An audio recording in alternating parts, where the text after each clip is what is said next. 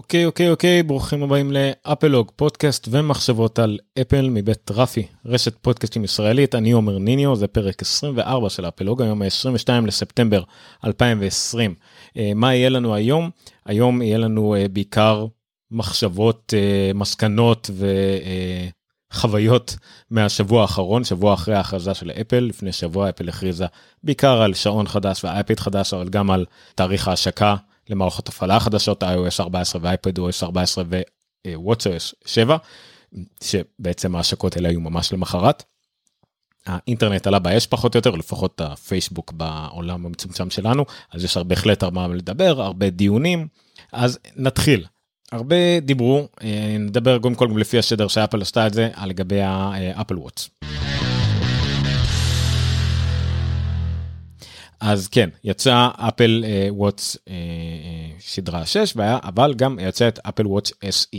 אה, לא רשמתי לעצמי את כל הדברים ששונים היה בהתחלה חשבו שזה יהיה סדרה 4 אה, שפשוט הלבישו מחדש שם חדש אחרי זה הבנו שזה יהיה יותר סדרה 5.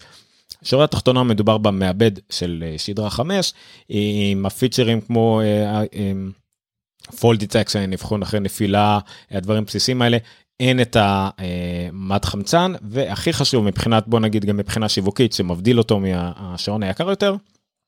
זה שאין אה, משך שפועל תמיד. מעבר לזה שהם עשו את המשך פועל תמיד תמיד יותר טוב באפל וואץ' סדרה 6 הם גם הורידו אותו משדרה 5 אה, אין גם כן את כמובן את הפורסטאצ או 3D טאצ או איך שלא קראו לזה בשעון אה, כי אין אותו פיזית יותר בשדרה 6 אז הורידו גם את הפיצר הזה משדרה 5 אבל בסך הכל אפל וואט CSE כן אפשר להגיד עליו שהוא פחות או יותר שדרה 5 אבל מוזל מה שעלה לא יודע 349 או 399 אז אה, ירד כמובן אה, ל-279 שזה סכום מאוד מאוד אה, מכובד וגם הוא עדיין מגיע בסולולרי זאת אומרת הוא עדיין נותן אפשרות זולה יחסית לאנשים שאולי לא צריכים את האלטימטר ולא צריכים את החיישן חמצן בדם שנדבר עליו תכף.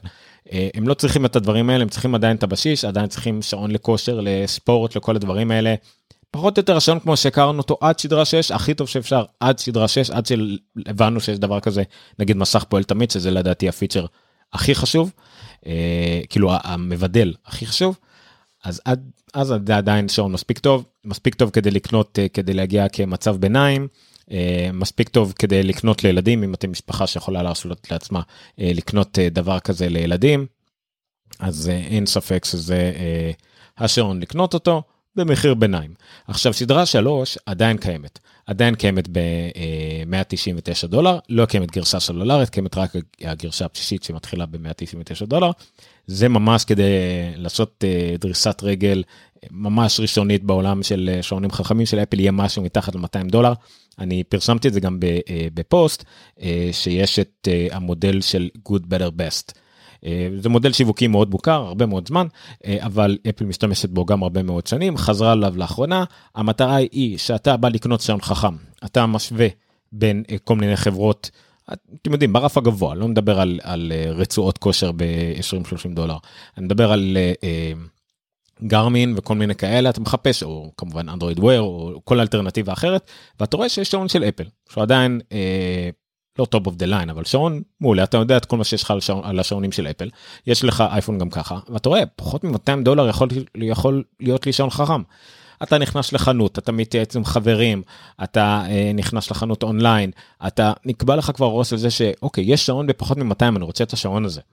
אה, ואז מתחילים לשכנע אותך שמע זה לא השעון הכי טוב אין לו גרשה סלולרית אין לו משך פועל תמיד הוא כבר מערכת הפעלה ישנה שמע לא אומר לך תיקח עכשיו שעון ב-400-500 דולר. הנה יש לך גם ב-279 בסך הכל תוסיף 80 דולר ואתה מקבל שעון שנתיים יותר חדש או שלוש שנים אני לא זוכר אה, הרבה יותר חדש אה, עם כל ה-EKG ובלאגנים.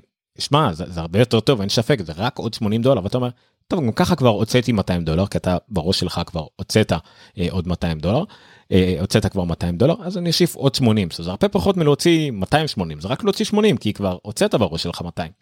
וככה עובד המודל של good better best וכמובן שאם אתה הגעת ל-280 או שמראש הלכת על הבינוני כי שמעת שיש שם מוזל ופתאום יקרוץ לך החדש יותר הנוצץ עם הצבעים עם הכל אולי אתה תעלה גם ל best. ככה המודל עובד המודל הזה אה, אין לו אק"ג בסדר אין לו אק"ג אבל זה זה הקונספט לא משנה אתה הקונספט הוא של הגעת מהגוד אתה ואז אתה מתפשר במרכאות על הבטר או אתה קופץ לבסט. זה קורה לכולם שאתם באים לקנות רכב הרי ברור שיש את ה... אומרים לכם שיש את הרכב המגניב ההוא ב-119 אלף שקל אבל אתם יודעים שזה מה שנותנים לליסינג אבל אתם כבר רוצים את הרכב הזה. אתם אומרים אוקיי אז יש את הפרימיום בעוד 10 בעוד 15 ניקח אותו. ואז אם לבסט אתה מקבל איזה גג נפתח אז אולי אתה תתלבט כן לא אתה מחשב. אבל בדרך כלל הגוד הכי זול אה, ייקח אתכם מעבר למפתן הדלת אבל מה שיקח אתכם לקופה זה הבטר. ככה עובד פחות או יותר אה, המודל הזה. אה, אני אגיב טיפה לתגובות שיש פה. האם רואים את ההודעות פה ביוטיוב? כן המסך הזה למעלה מימין שלי שלכם לא יודע איזשהו צד בפינה. כן זה לא משנה אתם רואים שיש פה תגובות מפייסבוק תגובות מדיסקורד תגובות מיוטיוב כולם מופיעים במסך אחד אני אצלי זה מופיע גם בצד בגדול שאני רואה הכל. אז כן זה, זה הכל יופיע בסופו של דבר יראו את הדברים האלה אני מגיב ככה התגובות שאני אגיב אם אני אגיב בכתב יהיו בדיסקורד אבל אני מגיב פה וידאו מולכם אז מה יש לי להגיב אה, בכתב. anyway, מה עוד שאלו אה, זה לא סינים זה קוריאנים. וואו זה הקטע בלשמוע דברים כאלה אני לא יודע באיזה. על מה, למה זה מתייחס אבל בסדר. אה ערוצים סינים הם ראשונים כבר עכשיו לעלות סרטונים לאייפד אר כן בדרך כלל גם לא קוריאנים בדרך כלל זה פיליפינים תאילנדים אני לא יודע למה הם מקבלים את זה. אה, היה את זה היה את זה גם במקלדות אייפד 4 אייפד אר 4 לדעתי זה קצת קלוש. אולי מישהו במקרה באמת מהמפעלים או משהו כזה הגיע לזה אבל קלוש לדעתי כי אייפד אר אמור להגיע רק באוקטובר לא משנה לא, אני לא מדבר פה עכשיו על אייפד אר. אמ, אוקיי מעולה ותודה רבה גם רשמו לי פה תענוג לשים אותך למסך הגדול ולכתוב בפון. כן זה טוב שעשינו את הצ'אט הזה בנפרד אני שמח שאתם נהנים. אני אראה אחר כך איך נראה האתר החדש הזה עם כל השינויים האלה. טוב אה, קצת יותר לעומק על אה, סדרה 6. הרבה מהסקירות שאלו האם זה שווה באמת את השדרוג מחמש אמרתי את זה בלייב אמרתי את זה נראה לי אפילו בלייב ממש תוך כדי האירוע. אני לא רואה סיבה שהשעון הזה הוא שדרוג אמיתי למי שיש לו כבר סדרה חמש. אם סליחה אני מגזים אבל נגיד הדברים הכי חשובים בהם זה אלטימטר זה מד גובה שפועל תמיד המד חמצן בדם ומסך הרבה יותר בהיר וכמובן מערבד יותר טוב יותר מהיר אה, דברים כאלה. עכשיו גם הסוללה אה, אמורה להיות יותר גדולה. יש יותר נפח במכשיר, אה, השוללה כנראה יותר גדולה, יש יותר נפח במכשיר כי אין את ה-3D touch. אה, אבל השוללה יותר גדולה אבל גם המסך הרבה יותר בהיר האלטימטר צריך לעבוד תמיד המד חמצן בדם אם הוא עובד בלילה או משהו כזה הוא גם כן דבר שפועל אולי אור אדום לא יודע גוזל יותר שוללה מאור ירוק אני לא יודע כנראה בסופו של דבר השעות שאפל מצהירה עליהם הם אותם שעות אין הבדל באמת בשוללה אז אם מסתכלים על מה שכן שונה האלטימטר המד חמצן בדם והמשך היותר בהיר, לא, מי שיש לו חמש אין. למי שיש כמוני שלוש, אה, והוא משתמש בשעון הרבה, זה אחלה שדרוג, כבר החמש היה אחלה שדרוג, השדרה שש בכלל. אני אישית, בגלל השימושים המאוד מינימליים שלי בשעון, עדיין לא. אני בוא נגיד ככה, אם מישהו יסתכל על השעון שלי ויסתכל על שדרה 4, 5 ו-6, יראו אותו דבר. אני מחכה גם לאיזשהו שינוי פיזי ויזואלי בשביל ההרגשה הפנימית, בשביל איך שאני מרגיש עם משהו שהחלפתי אליו, כי כנראה פונקציונלית לא יהיה לי הרבה הבדל. כן, אני אשתמש אולי ב-AKG, אולי ה-AKG יציל לי את החיים, אבל מה זה החיים שלי לעומת אה, עיצוב חדש. זה בגדול. עכשיו, ההבדל השיווקי הכי גדול שפרשמו אותו זה המט חמצן בדם, אה, אני לא בטוח אפילו אומרים איך אומרים את זה, אבל נגיד מט חמצן בדם, אה, שזה הבדל מאוד משמעותי. אבל זה מוביל אותנו לדיון אחר, אני כן, הבלאד אוקסיגן מוניטור, אפל מגדירה אותו כ-Wellness, not medicine. עלו הרבה שאלות ב, ב, גם בפייסבוק, איך זה שהפיצ'ר הזה כבר יהיה בכל העולם.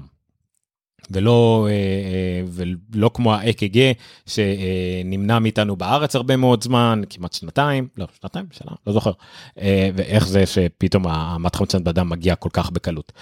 ובכן, השיבה היא שזה בניגוד ל-AKG שהיה צריך לעבור המון המון אישורים רפואיים וכדומה, המת חמצן בדם הוא לא נחשב אביזר רפואי.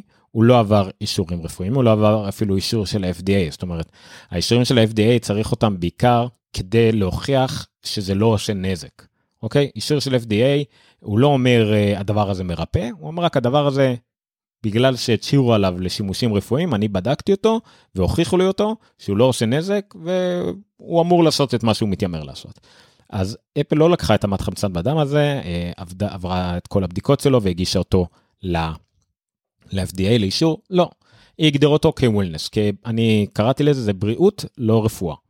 אז כן, זה אולי יעזור לשמור לכם על הבריאות באופן כללי, ייתן לכם נתונים שלא היו לכם קודם, אבל זה לא אה, פתרון רפואי, זה לא, אין לו התוויה רפואית, אי אפשר לקחת את הנתונים משם לרופא. אה, בניגוד לנתונים מה-EKG, שאומנם הם נקודה אחת וכולם מזלזלים בזה, אבל עדיין זה נתונים שאפשר להוציא ולקחת אותם לרופא. אה, בארצות הברית גם חלק מהרופאים יכולים לקבל אותם במין צורה אוטומטית כזאת. המת חמצן בדם לא. זה ייתן לכם פרופורציות, ייתן לכם נתונים, אפשר לקנות דברים כאלה בארצות הברית, גם בארץ, בבתי מרקחת. זה לא איי איי. אז זה כבר אומר לנו שזה לא איזה פיצ'ר עצבני, כן, הוא יכול לעזור למאוד אנשים, אולי נשמע שזה איכשהו הציל למישהו את החיים בדיעבד או משהו כזה, אבל זה לא, לדעתי זה עדיין לא החיישן האמיתי אה, שאנחנו רוצים לראות. החיישן האמיתי יהיה דבר כזה אה, הרבה יותר מדויק שעבר מחקרים והוכחות. הדבר האמיתי יהיה כמובן אה, מד של גלוקוז בדם, שזה עדיין רחוק מאיתנו, זה מאוד קשה לעשות את זה בלי חדירה פולסנית, לעשות את זה עם מצלמות, או כל איזשהו מדד אחר באמת מגניב. אז זה עדיין לא. אה, למי שמתעניין טיפה יותר קצת אה, גם זה מה שהכתבה הזאת בדברץ מדברת עליה קצת יותר מתעניין באיך זה עובד טכנית. אה, רוב המד חמצן בדם שאנחנו מכירים גם אם התאשפזתם כנראה לכמה שעות בבית חולים שמו לכם על האצבע מין התו כבישה מאוד מעצבן וכואב אז התו כבישה הזה הוא בעצם היה מצלמה בצד אחד וקולט בצד שני או יותר נכון מנורת אה, אינפרה אדום ואדום ובצד השני חיישן שקולט את זה ובעצם הוא יסתכל דרך הדם דרך האור שלכם באצבעות איפה שיש יחסית הרבה כלי דם קרובים לאור והצד השני החיישן בצד השני ידע למדוד במדויק את כמות יחסית במדויק את כמות החמצן שיש בדם. מה שעובד בשעון שיש את זה גם לשעונים אחרים דרך אגב אה, זה עובד יותר על החזרה החיישן אינפרה אדום בעצם זורק לאור מחכה אה, לקבל חזרה אור חוזר מה, אה, מהתאי דם שהוא כן מצליח לראות ולפי זה הוא מודד. אז זו מדידה שהיא בהכרח פחותה, היא בהכרח אה, פחות איכותית. שוב, יכול להיות שהיא עדיין בסדר, אבל אה, היא תהיה בהשוואה למדידות אחרות באותה צורה. אי אפשר להשוות את זה למדידה מקצועית של חמצן בדם וכדומה. אז כאמור, כל זה, כל זה, כל זה, לא באמת אה, נותן לי לדעתי איזשהו אדג' אמיתי על השש לעומת החמש. לעומת ה-SE כן כי אמרנו המשך דולק תמיד זה בהחלט יכול להיות פיצ'ר שאם מישהו מחליט בין 5 ל-6 אה, בין SE ל-6 ייקח את ה-6 אבל בכל מה שנוגע ללשדרג את החמש הקיים אה, אני אמליץ לכל מי שיש לו 5 לא אין, אין, אין שום סיבה אלא אם כן אתם בגלל איזה שהם הפרשי מחירים מצליחים למכור ולקנות את זה בתוספת של 200 300 שקל whatever אז כן זה, זה כבר עניין יותר שיקול צרכני כלכלי אבל אם סתם כדי להחליף על מנת להחליף לא. כן סיבה אחת אולי להחליף מ-4 או 5 ל-6 זה אם יש לכם את האפשרות להשתמש בפיצ'ר של המשפחה ולהעביר את השעון לקרוב משפחה שצריך את זה מבוגר או ילד אה, ואתם יכולים להכניס אותו למשפחה זה סוג של hand me down כזה של ירושה שוואלה אפשר לתרץ את זה ב... ב- להתחדש בשעון חדש אם אתם באמת צריכים את התירוצים האלה אה, לא לא לא קריטי לדעתי. אז זה לגבי השדרה 6 אה, עוד דבר שמעניין על השדרה 6 הטיר דאון אה, אני חושב שזה יצא היום iFixit קראו אותו פתחו אותו פיצלו פיצלחו אותו פתחו אותו זה אתמול הם גילו שהוא יותר קל לתיקון מהשעון הקודם. בין היתר בגלל שאין את המנגנון של טריטי טאצ' שהיה מאוד מורכב טכנית וכנראה הקשה על הקודם אז פה זה קצת יותר קל. אה, עדיין לא קל לתקן אותו 6 מתוך 10 אבל אה, יותר קל מהמכשיר הקודם זה בוודאות למי שמתעניין אז אה, יכול לראות איך זה בנוי.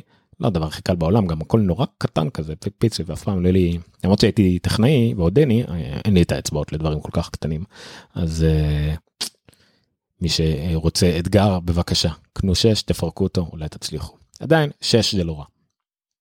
ודבר מעניין שזה יותר קוריוז מתברר שאם אתם מזמינים בארצות הברית את השעון עם רצועה דיברנו על זה יש אה, תשע מידות לרצועה שאתם יכולים לבחור מהן. אה, אתם תקבלו שניים לדעתי לא יודע איך זה עובד בדיוק אבל אם תטעו בגודל של הרצועה ותרצו להחזיר את השעון כי בארצות הברית זה לא בעיה להחזיר את כל המוצרים את הארזות ישלחו חזרה. הבעיה שאם תרצו להחזיר את הרצועה לא תוכלו. תצטרכו להחזיר את כל השעון כמו שהוא כי זה מכת אחד תצטרכו להחזיר את כל השעון, ואז לחכות שישלוח לכם שעון חדש עם המידה הנכונה. ללא עלות, הכל בסדר. אבל זה ש... ו... אבל תצטרכו לחכות לזה. ובמצב הנוכחי, שהשד יודע כמה זמן ייקח למשלוחים, אולי זה לא הדבר הכי כיף לעשות. אז כן, זה עוד אה, דבר אה, מצחיק, אבל שוב, אין מה לעשות. נסתכל על כמה שאלות. אה, קישור להנדזון שלחו פה אוקיי סבבה נראה לי שיש לנו כבר איזה ספמר אחד בדיסקורד לא, בסדר, יש כן, יש ספמר, יפה, לא יודע מה לעשות עם זה. פתחתי את דיסקופ פתוח לגמרי כי את מי זה מעניין, השם של ערוץ בעברית, אבל ספמרס וולקאם. אתה חושב שהשוללה של השעון באמת מספיקה לאדם שירצה להשתמש בשעון לניטור שינה? בוודאי, כבר עכשיו השעון מספיק לאנשים לניטור שינה. אפל הוסיפה את זה והצהירה בדיוק מה קורה. היא הוסיפה גם את הפיצ'ר אה, של מיטוב סוללה, שאנחנו מכירים גם מהאייפונים לאחרונה, שהוא ילמד מתי אתה מטעין את הסוללה ויתאים את זה, זאת אומרת אם אתה אה, תתרגל אה, לישון עם השעון כל הלילה, בבוקר לשים אותו 20 דקות לטעינה. נגיד, ואז להמשיך ביום שלך, לחזור הביתה בערב, לשים שוב את השעון בטעינה, איזשהו נורמה כזאת, המכשיר ילמד את זה וידע נגיד אז בבוקר ב-20 דקות הוא לאתן פוש של אה, טעינה מהירה, אני חושב שהשעון החדש גם יכול להיטען יותר מהר. ואז ב-20 דקות 30 דקות השעון משוגע להטעין את עצמו גם 40-50 אחוז ובלילה זה לא מבזבז כל כך הרבה. ושוב הגדילו גם את הסוללה למטרות האלה הסוללה קצת יותר גדולה. אז אין ספק אני כשאני נשיתי עם השעון שלי סדרה 3 אה, עם אפליקציית צד ג' ניטור שינה כן לא היה בעיה כל הלילה מנטר שינה אה, בבוקר שמתי לי טעינה חצי שעה הספיק לי לכל היום. ובערב שמתי לטעינה מקסימום כשאני מול הטלוויזיה משהו שאני כבר לא צריך את הפעילות הזאת. ואז אה, נגיד אם אני לא אני אבל אם אתה יוצא להליכה בערב אז השעון עוד פעם יהיה טעון אין בעיה. אני לא יודע לגבי מי שמשתמש הרבה לאקטיביטי לספורט וכאלה כמובן שיש הדברים האלה תמיד גוזלים שוללה אבל הטעינה הרבה יותר מהירה בשעון הזה או בכלל בגרסה הזאת היא הרבה יותר ממוטבת אני לא רואה בעיה. שוב שואלים אותי פה מה אתה אומר על האייפד אר נגיע נדבר על האייפד אר אז אני אדבר על זה כשנגיע לאר אני אדבר על האר כרגע אני לא מדבר על האר אז אני לא יכול להגיד מה דעתי או מה אני אומר על האר. זה היה הרבה. אר. עניין הבא אני לא אדבר עליו הרבה Fitness Plus ידעתי שזה מה שיקרה Fitness Plus הראיתי נגיד לאשתי את כל הקונספט הכללי הזה של Fitness Plus התגובה המיידית שלה הייתה ונו למה לא קנית. אז ולך תסביר שקודם כל צריך אה, שעון וכדי שזה יהיה שעון עם ה-EKG אז את לא יכולה לקחת את השעון אה, שלי נגיד או לא יודע מה שעון סתם השעון שלי שעון סדרה 3 וישן לא, לא כדאי לך. אה, אבל זה גם שירות שעדיין לא מגיע לארץ רק למדינות מסוימות עם שירותים מסוימים כן אבל אנחנו אמריקאים. כאילו החשבון של אמריקאי אולי כן תעשה. כן אבל אז אני רוצה לעשות Apple One וה Apple ID שלי הוא ישראלי אבל ה store אמריקאי בלאגן. השורה התחתונה היא ש Fitness Plus מלהיב הוא מתחרה בכמה שירותים שאני לא הכרתי, כבר ברח לי מהראש איך קוראים לאחד השירותים העיקריים שמתחרים שזה אתה קונה אה, אופני כושר מאוד יקרות לבית ואתה מקבל מין שירות כזה של מדריכים והכל וכל הדברים האלה אה, גם כן בלייב. שירות שכמובן אה, קפץ הפופולריות שלו קפצה מאוד בתקופת הקורונה וכדומה אז הדברים האלה הוא כן הוא מתחרה בהם זה בהחלט תחרות שהם אפילו לא הם, אבל הרבה קוראים להם אולי אה, לא הוגנת. אה, החברה הזאת של אופניים אמרה, גם הוציאה מין הודעה כזאת של אפל, you welcome to the game, או, או איזשהו אה, משהו כזה, אני לא יודע, ניסיון לחכות את, כשאפל נכנסה, IBM בירכה אותה, וכל מיני קטעים לא מצחיקים בין חברות גדולות. בכל מקרה, זה מאוד מעניין הפיטנס פלוס, זה כל מה שהיה לי להגיד על זה. שואלים אותי פה, כדי שלא, לפני שאנחנו עוזבים את העניין של השעון, אשמח לדעת על יתרונות של השעון החדש עבור אנשים מבוגרים בתחום הבריאות. אה, כמו שאמרתי, אין הרבה הבדל לעומת השעון הקודם בכל מה שקשור בריאות אה, למבוגרים. אה, האמת אפילו ה-SE הוא מספיק טוב, אין לו את האקגן, נכון? אבל הוא מספיק טוב, יש לו את ה-Fold Detection, הוא מחייג אוטומטית ל...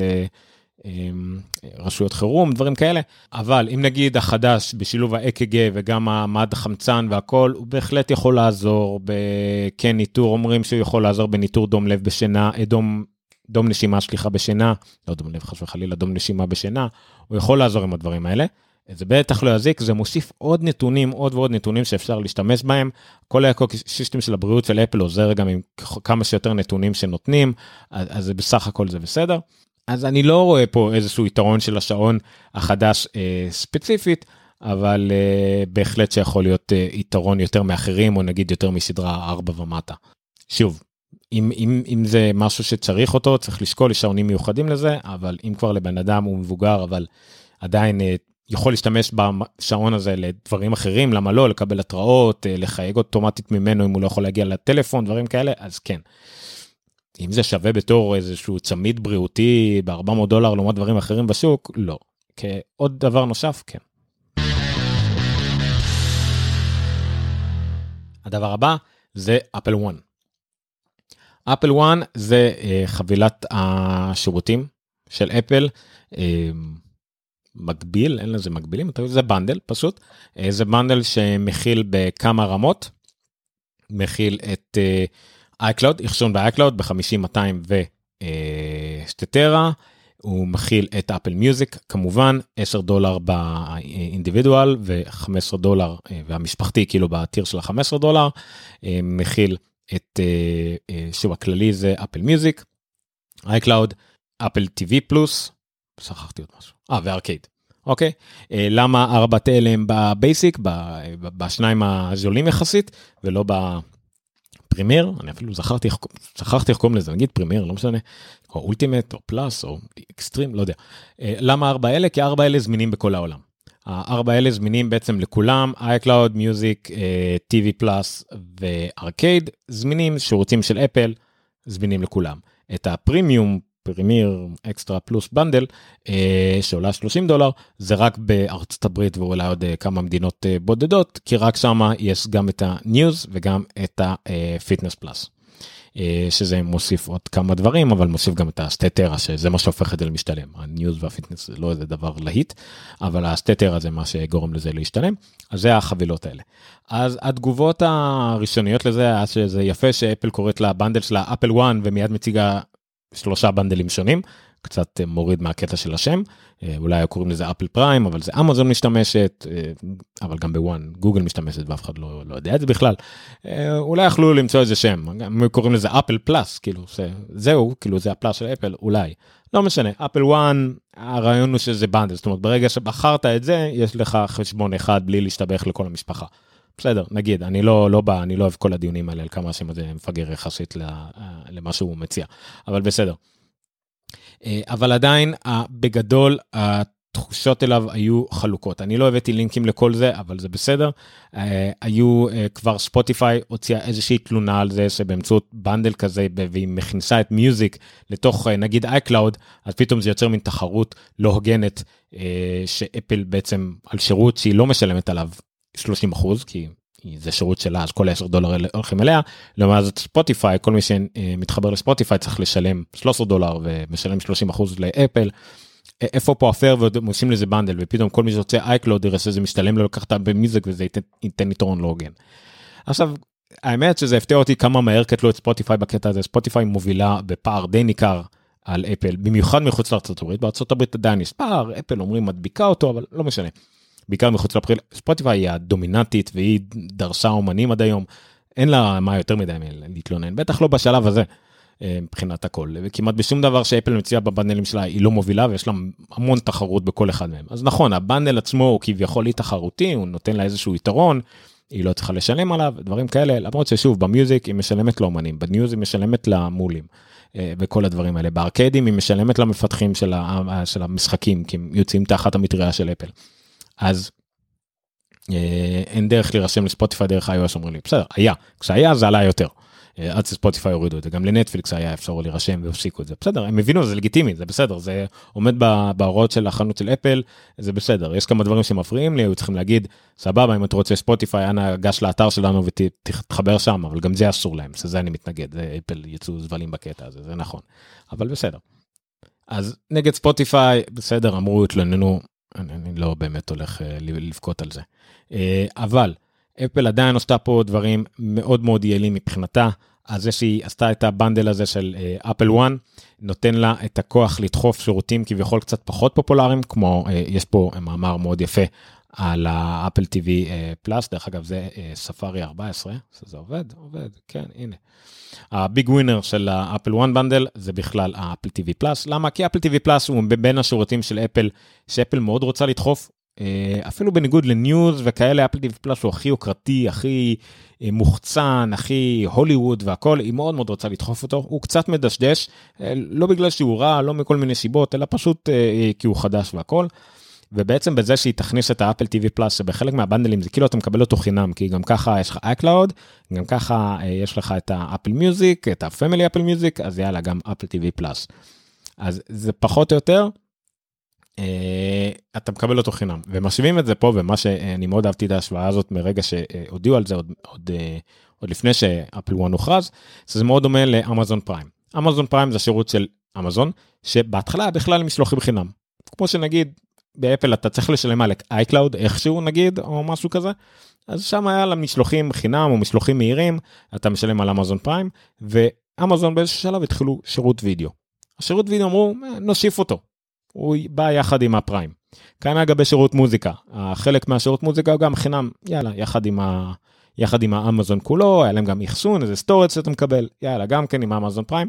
ואנשים רצו את האמזון פריים זה מה שעניין אותם אבל הם קיבלו כבר שירות וידאו על הדרך מעולה.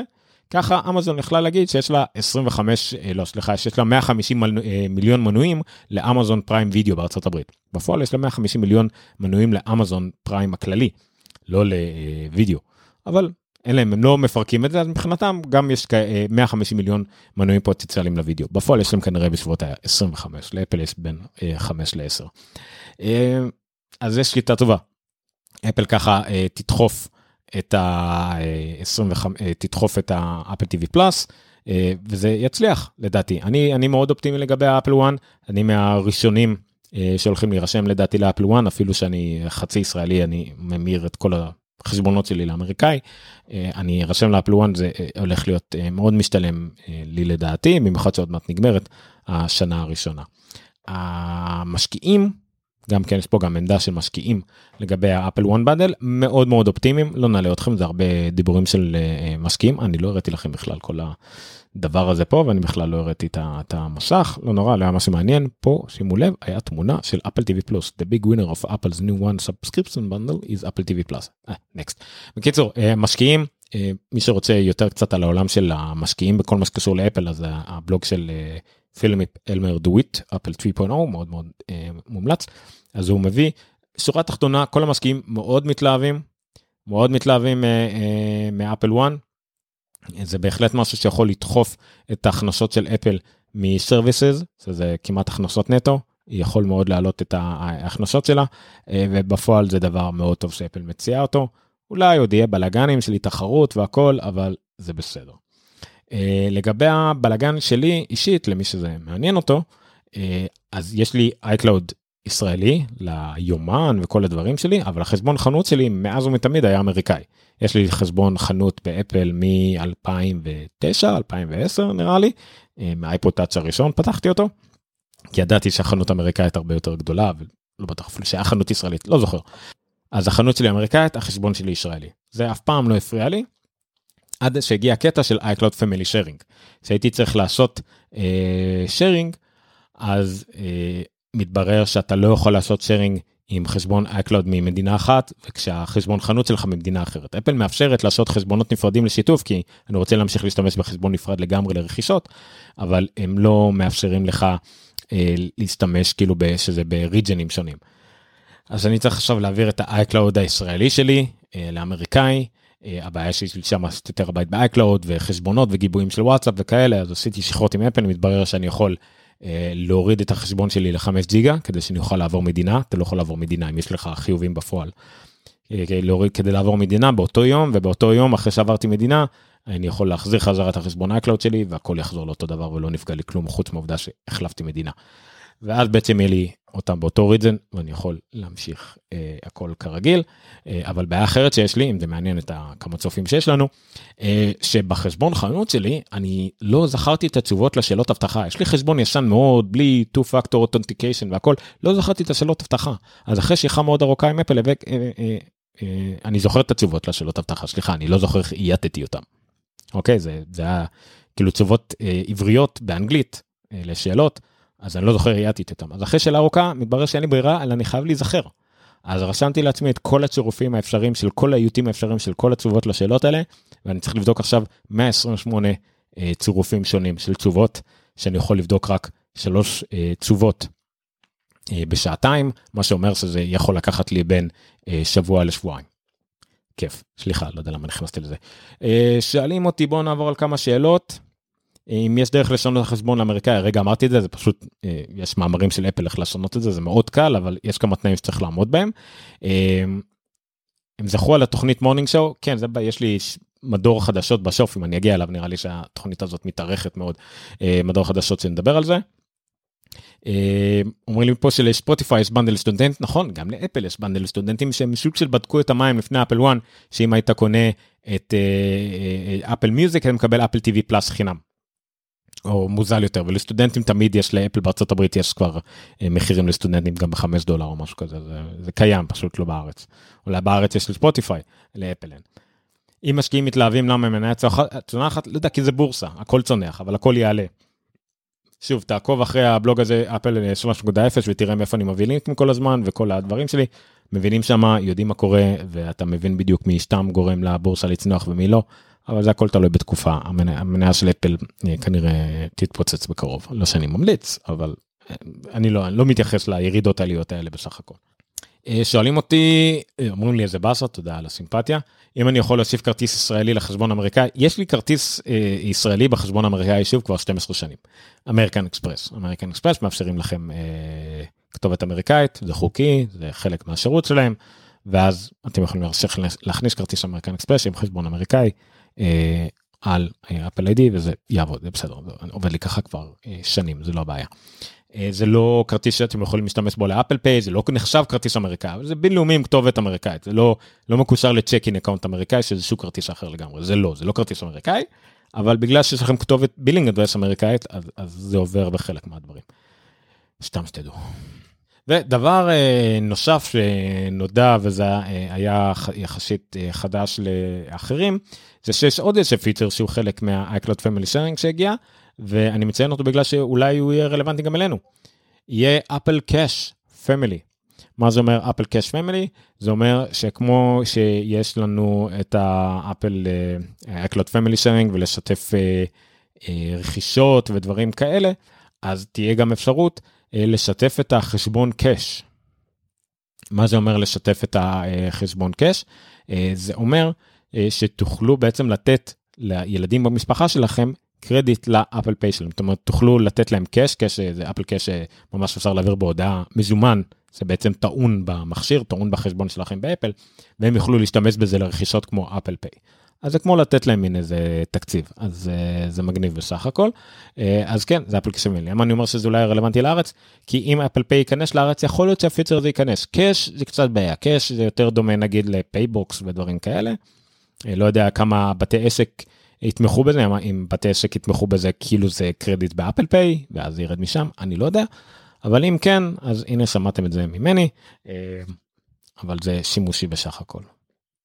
דרך אגב עוד משהו עוד איזה tidbit קטן כזה שקראתי גם בפורום וגם קיבלתי תשובה חצי רשמית מאפל סתם שתדעו גם אם יש לכם חשבון אמריקאי כמו שיהיה לי אה, עם Apple One ועם Apple Pay וכל הדברים האלה אה, תוכלו להכניס כרטיס ישראלי כרטיס אשראי ישראלי בינלאומי כמובן לתוך ה Apple Pay אמריקאי שלכם. כל עוד שתי המדינות תומכות ב Apple Pay כרגע אי אפשר בגלל ש Apple Pay לא נתמכת בארץ אני נגיד באנגליה אנשים בריטים עם חשבון אמריקאי יכולים להכניס את הכרטיס אשראי הבריטי שלהם וגם את הכרטיס אשראי האמריקאי שלהם לתוך Apple Pay ולשלם אה, בכל אחד נגיד במדינה הרלוונטית אליו. סתם שתדעו זה היה חדש לי יחסית ביררתי את זה אז זה חדשות מאוד טובות למי שמתכוון להשתמש ב Apple Pay בארץ. שואלים אותי מה אתה חושב יהיה המחיר של ה Apple Watch SE בישראל אה, לא לא יהיה הפתעות כאילו לא יודע מה מה אתם מצפים כל פעם שואלים על מחירים והכל. תסתכלו, מה, מה עכשיו באפל מבין השעונים עולה בערך 279 דולר? אפילו אייפד שעולה 279 דולר? זה בערך יהיה המחיר בארץ. ההפרשים גדולים כשמדובר בסלולרי או מדובר סתם שרוצים להגזים, אבל באמת המחיר ליבואנים מאפל של האפל וואץ' SE 279 דולר יהיה בין, סתם נגיד נגזים, בין 260 ל-290 דולר. זה המחיר שלהם. אז תוסיפו על זה מה שתוסיפו מע"מ ורווחיות וכל הדברים האלה כמו שכל דבר אחר uh, עבד. uh, עלה זה סתם מתרגשים פה ממחירים אני לא מדבר על יבואנים מקבילים כבודם במקום המונח הם יכולים uh, משחקים עם מחירים לא יודע מאיפה הם קונים.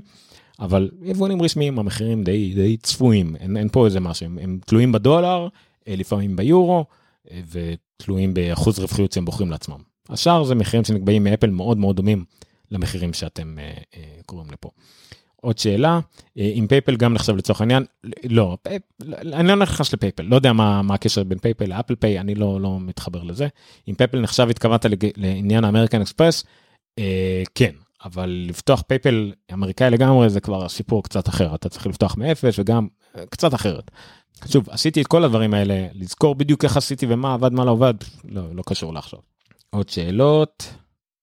הנה ליקו אומר לאפל יש Music בחצי מחיר לארץ לסטודנטים לספוטיפיי יש bundle בחו"ל עם הולו. דרך אגב יפה שאתה מציין את זה תודה שהזכרת לי. אז בדיוק אמרו על, על הם התלוננו על הבנדלים שלהם אבל אמרו גם אתם יכולים לעשות בנדלים. הנה ספוטיפיי יש שיתוף פעולה עם הולו. מעולה עשיתם לעצמכם bundle שיכול להיות משתלם לגזרה באוכלוסייה. מעולה אז אפל החליטה לעשות bundle עם עצמה. אתם ספוטיפיי אתם זה תעשו בנדלים זה בסדר. עכשיו אם לאפל יש יתרון לא הוגן סבבה אבל היא עשתה. bundle של המון שירותים שאף אחד מהם לא המוביל בשוק. אוקיי, iCloud היא היחידה שאפשר להגיד שהיא מובילה בשוק האייפונים כי היא בלעדית. אבל אפילו באייפונים ספוטיפיי יותר מ-Apple Music, Dropbox הרבה יותר מ-iCloud Drive נגיד, אני לא אדבר על iCloud גיבוי, אבל אפשר להניח ש-Dropbox או Google Drive יותר פופולריים מ-iCloud Drive, אולי זה גבולי, News בטח שלא תחרות בכלל, ארקייד גם כן לא, מה נשאר לנו? Apple TV שוב גם בכלל לא, יש נטפליקס, כל האלה, גם עם כל ה... בלאגן שנטפליקס לא יכולים להירשם דרך המכשיר והכל עדיין זה, זה כלום הם, הם הרבה יותר גדולים מ-Apple TV. אז כרגע הדיונים האלה עקרים לדעתי. אוקיי אז לגבי האייפדים אתם רואים פה טיזר למה שאני אדבר עליו עוד שנייה אני כרגע רוצה לדבר דווקא על האייפד דור שמיני. האייפד שיצא האייפד המשעמם ל-2020 אה, כן קיבל אה, כל מיני ביקורות.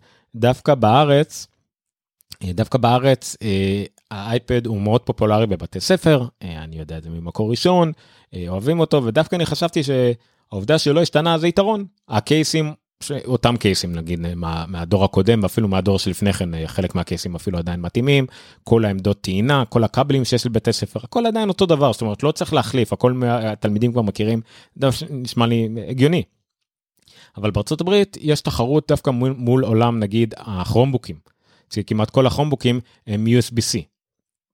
אה, ועולם של הווינדוזים שהם הרבה יותר זולים ואולי קצת אחרים. אז דווקא הפתיע אותי לשמוע שדווקא אנשים מתייחסים לאייפד דור שמיני כדווקא אולי האי תחרות של אפל בחינוך בארצות הברית. זה משהו שהם לא מצליחים בו וזה לא נשמע להם כמו רעיון טוב אבל אני מפקפק בזה. אני חושב שהאייפדים בחינוך לבית ספר שהשקיע באייפדים זה לא באמת משנה לו ודווקא זה שזה ממשיך ב-Lightning לפחות לטווח הקצר ואולי במיוחד בתקופה הזאת חוסך לו אה, ואם צריך הוא ישדרג את זה. זה עדיין קפיצה מ-A10 ל-A12 תזכרו שהדור הקודם אה, לא שדרג אה, גרסה עדיין היה גם דור 6 ו7 שניהם היו מעבד A10 אז דור 8 הוא A12 זה עוד לפחות 5 שנים אם לא יותר קדימה כמו שציינתי גם שבוע שעבר. הבתי ספר שאני מתעסק איתם רק עכשיו הם מתחילים להחליף את המכשירים שלהם מלפני 7 שנים. למרות שהם עדיין עובדים איתם. אז רק לפני 7 שנים. אז uh, אני דווקא אופטימי לגבי הדור 8, כאילו אופטימי לרמה של ב-330 דולר או 300 דולר חינוך, מכשיר מדהים, אייפד לשנים קדימה, אה, או שבדיוק כמו שצריך, באמת להרבה מאוד מהאנשים, במיוחד ילדים, במיוחד מבוגרים, או לא יודע, כל הטווחים שלא מחפשים את, את הטוב או את הכי טוב, אז הגוד הזה מספיק בהחלט.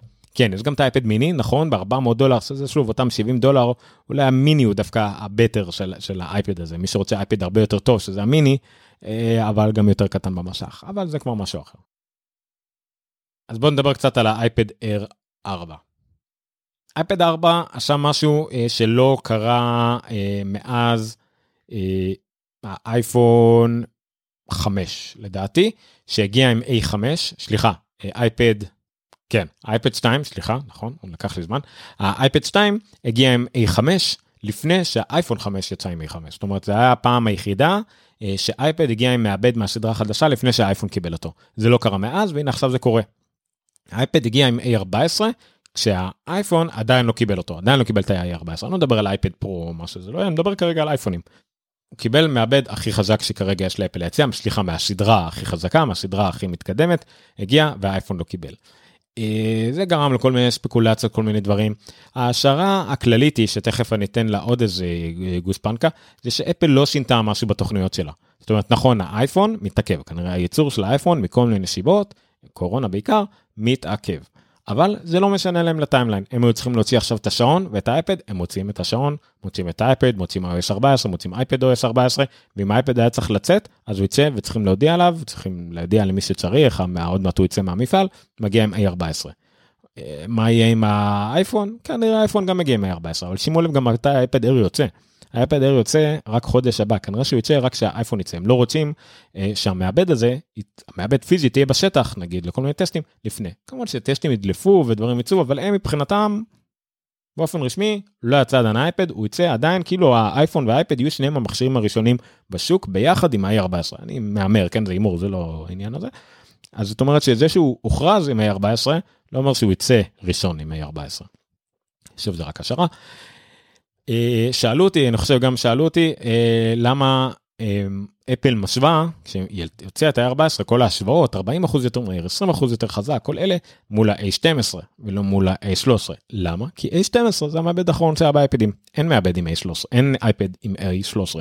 ואפל משווה תפוחים לתפוחים. תפוחים? לא, לא משנה.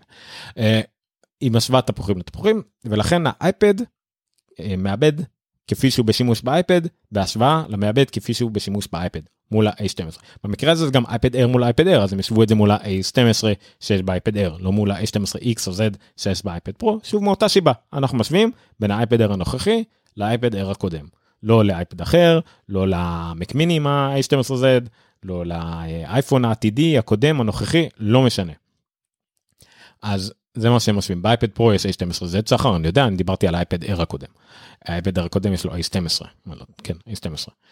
אז זה השוואה שהם עושים. למה? זה גם השוואה כדי להיראות טוב נכון אין מה לעשות וגם כי זה החלטה השיווקים שלהם הם, זה מה שהם עושים. אתם יכולים לקרוא עוד על זה במאמר הזה של דסון סנל, דסון סנל שאני מקשר פה The Reluctant uh, Debut דיביאט? דיביוט? אה, anyway, דיביאט של uh, i14 uh, שאפל כביכול לא רצתה ממש לשחרר אותו מיד לא היה להם ברירה כאילו מבחינת הטיימן שלהם אבל הנה זה קורה מאבד 5 ננומטר הראשון כל הכוח שלו כל הדברים האלה הוא מלא את ההשערות המאוד טובות שלו וגם מה שחשוב שהוא מרגיע. אני יודע שיש במיוחד בפייסבוק וקבוצות מסוימות ישר קוטלים עם ה-A14 הוא הדור הבא של אפל איזה כבר שינוי מטורף הם עשו זה לא איי איי איי על זה גם המקים הולכים הולכים להתבסס הרבה כל מיני רועי שחורות למיניהם. אני לא רואה את זה ככה. גם אם ה-A14 הוא לא כל כך הרבה יותר חזק מה-A13 שלא יהיה הוא 5 מטר הוא הדור הבא של אפל הוא הדור הבא של המעבדים הוא פותח דלת חדשה שאמור להיות גם לאייפדים גם לאייפונים. כנראה גם וריאציה כלשהי למקים אולי רק עם רק עם יותר ליבות כביכול אבל אולי גם עם uh, כוח עיבוד גרפי הרבה יותר גדול עם אוורור הרבה יותר גדול לא יודע מה הם יעשו במקים. אז ג'סון סנל מאוד פרגמטי מאוד סולידי מאוד אופטימי בצורה מסוימת זאת אומרת ריאליסטי שווה לקרוא את זה כדי לראות uh, uh, לשמוע קול שפוי מה שנקרא. מה שמוביל אותי לעוד דבר שבין היתר אה, אפל אה, לא סתם שהיא אה, משקיעה ב-5 ננומטר ב-TSMC, אלא ככל הנראה לפי האתר הזה לפחות, אפל שריינה מראש את כל כוח הייצור של TSMC, Taiwan Semiconductors, היצרנית של אפל למעבדים, שריינה את כל ליין החמש ננומטר שלהם לשנים הקרובות או לא יודע לכמה זמן, שזה מאוד מרשים. רק ל-TSMC ולסמסונג יש יכולת כרגע לייצר מעבדים ב-5 ננומטר, לא AMD, לא אינטל, אף אחד לא, לא הגיע לזה עדיין. אז זה גם כן סוממן שאפל שמה את כל הציפים שלה למעבד הזה ואנחנו התחלה של דור חדש. זה ש-14 אולי לא יהיה הדבר המטורף שתמיד חיכיתם לו, זה לא אומר כלום, לאפל יש שליטה מלאה על הייצור מעבדים שלה, על התכנון מעבדים שלה, אני לא חושב שזה משהו שצריך להדאיג אף אחד. גם אם הדור הנוכחי של 14 לא יהיה איזה בשורה לעולם שתקרע את הצורה לאינטל ול-AMD, חכו לדור הבא. שוב, תקראו לזה tick tock של אפל, אני לא יודע מה, אה, אני לא הייתי נלחץ מהדברים האלה, זה בטוח. עוד סימן על זה שאפל עוברת, אה, עובדת לפי הציר של עצמה ולא מתייחסת לאף אחד אחר. זה דבר מוזר שקרה השבוע, שיצא בטא ל-iOS 14.2. אנחנו עדיין, רק עכשיו השיקו את 14.0, אף אחד לא קיבל איזושהי בטא של 14.1, ואפל השיקה את iOS 14.2. למה זה? ההשערה הכמעט בטוחה היא שהאייפון יצא עם 14.1. והם לא רצו לשחרר את הבטא של 14.1 כי היה בו דברים שקשורים רק לאייפון, לפיצ'רים חומרתיים שלו, אז הם הוציאו מה שנקרא 14.2 שמדלג על כל הדברים של 14.1 ונותן למפתחים גישה לכל הדברים שהגיעו ב-14.2. אם אני לא טועה, הפיצ'ר שכולם התלהבו ממנו זה מין אה, Shazam אוטומטי ב-Control Center או משהו כזה, לא, לא בטוח מאוד, אה, אבל עדיין. אה, אז זה עוד סממן מסוים שזה לא מזיז לאפל, אפל הולכת להמשיך במסלול הבטא שלהם, והדבר המוזר היחידי הוא שהם קפצו ל-14.2 ודילגו על 14.1. עוד איזה ידיעה קטנה מהיום, יצא הבטא של Big Sur של מקו-אס, מקו-אס 11, יצא בטא שמינית שרק לפני שבוע יצא הבטא השביעית, זה גם אומר שכנראה אנחנו קרובים לשחרור, כנראה נראה את זה בשבוע השבועיים הקרובים. אפל לא לחוצה, אין לה מה להיות לחוצה, זה, זה רק המק ואין מקים חדשים או משהו כזה, אבל מסורתית זה בדרך כלל יוצא באוקטובר, אז כנראה גם השנה היא לפי ה... בסדר הנכון, וזה כנראה מה שנראה.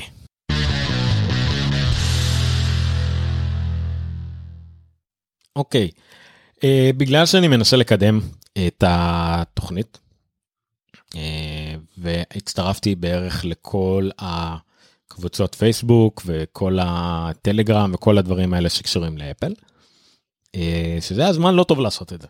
כאילו, סבבה, אני מת על כולכם, אבל מה שקרה שנחשפתי לעשרות, מאות פוסטים שחוזרים על עצמם, כולם מסביב ל-S14, לטוב ולרע. טוב, נו, בעיקר לרע.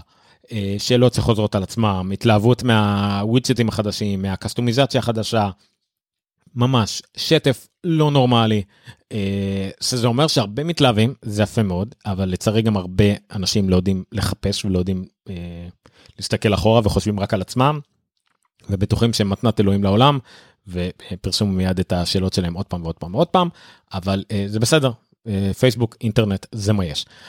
אבל אה, היו כמה מסקנות טובות, אני אעבור עליהן ממש בקצרה לדברים שקפצו לי. אני, זה לא איזה שאלות ותשובות טכניות, למרות שאני אשמח לענות על אנשים אם יש לכם שאלות טכניות, אה, תקלות וכדומה, ממה שאני הבנתי וקראתי, אה, לקח לי חצי שעה בפייסבוק כדי למצוא את התשובות לכל השאלות האלה, ואז רק שמעתי, קראתי עוד פעם ועוד פעם את אותן שאלות, זה מה שתסכל, אבל עדיין. אז מה קרה? אנשים שדרגו ל-iOS 14, חלקם מיד, חלקם לקח זמן, היה קצת בעיות עם עד ש-iOS 14 יצא באופן רשמי, ו-8 בערב, ו-10 בערב, למחרת, שעות עד שזה ירד, עומס, כרגיל, אה, אבל התקלות שיצאו כתוצאה מזה, אני חושב שהתקלה אחת עיקרית ששיגעה את כל הישראלים, כל השאר היו זוטות לדעתי, זה שהוואטסאפ לא עבד טוב.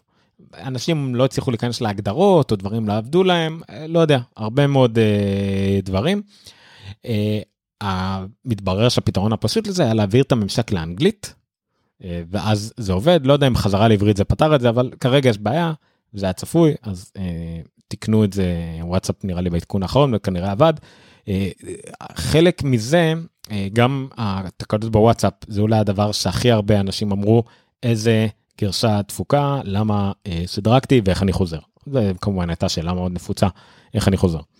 אה, זה כמובן כתוצאה מטעות מאוד בסיסית של אנשים שלא הבינו, דבר שהאמת זה אולי גם באשמת אפל, לא הבינו שזה לא קשור למערכת הפעלה. מערכת הפעלה חדשה, יש בה המון פיצ'רים חדשים, בין אם זה כל השיטה של הווידג'טים שהשתנתה לגמרי, אה, אפליקציות, כל העניין התכנות אחר, אז אנשים, אז אפליקציות עוד לא עדכנו כדי לתמוך בזה. כמובן שהיה להם המון בטעות והם יכלו לבדוק את זה, אבל יכול להיות שדווקא עכשיו בגרסה האחרונה הזאת, ב-golden master מה שנקרא, ואז בגרסה הרשמית, איזה משהו קטן דפק את הוואטסאפ, או לא מספיק היו בודקי בטא בעברית, אז הם לא ידעו שזה כל כך אה, בעייתי עם, עם הגרסת מערכת שלך בעברית. אני לא יודע, הרבה סיבות יכולות להיות, אבל זה קורה. רוב האפליקציות כנראה עדיין לא יותקנו מספיק ל-14. שוב, זה אשמת אפל שנתנו למפתחים מטרה של 24 שעות מהר מהר לקמפל לבדוק אה, עם ה-golden master, עם הגרסה האחרונה לבדוק שהכל עובד ויאללה להוציא לחנות. אז כן, זה גם קצת אשמה של אפל.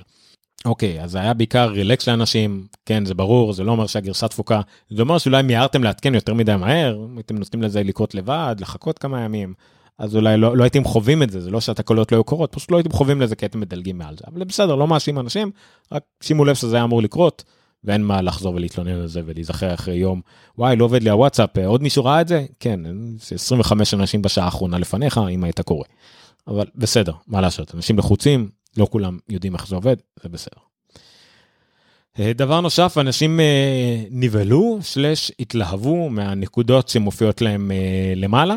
היה אה, נקודה כתומה ונקודה ירוקה, ב, לא זוכר באיזה אחד מהצדדים של האייפון, אה, למה כל פעם שאני מוציא שיחה מופיע לי נקודה כתומה, אולי סוף שיש לי הקלטת שיחות, דן, אה, אה, דורון פה שאל נכון אם יש הקלטת שיחון, אז לא דורון, אין הקלטת שיחות. אה, מה שיש זה התראות פרטיות של אפל שאומרות שמישהו משתמש לך במיקרופון. לא משנה אם זה הטלפון המובנה של המכשיר או מה שזה לא יהיה, מי שמשתמש במיקרופון, הנה נקודה כתומה קטנה שתדע.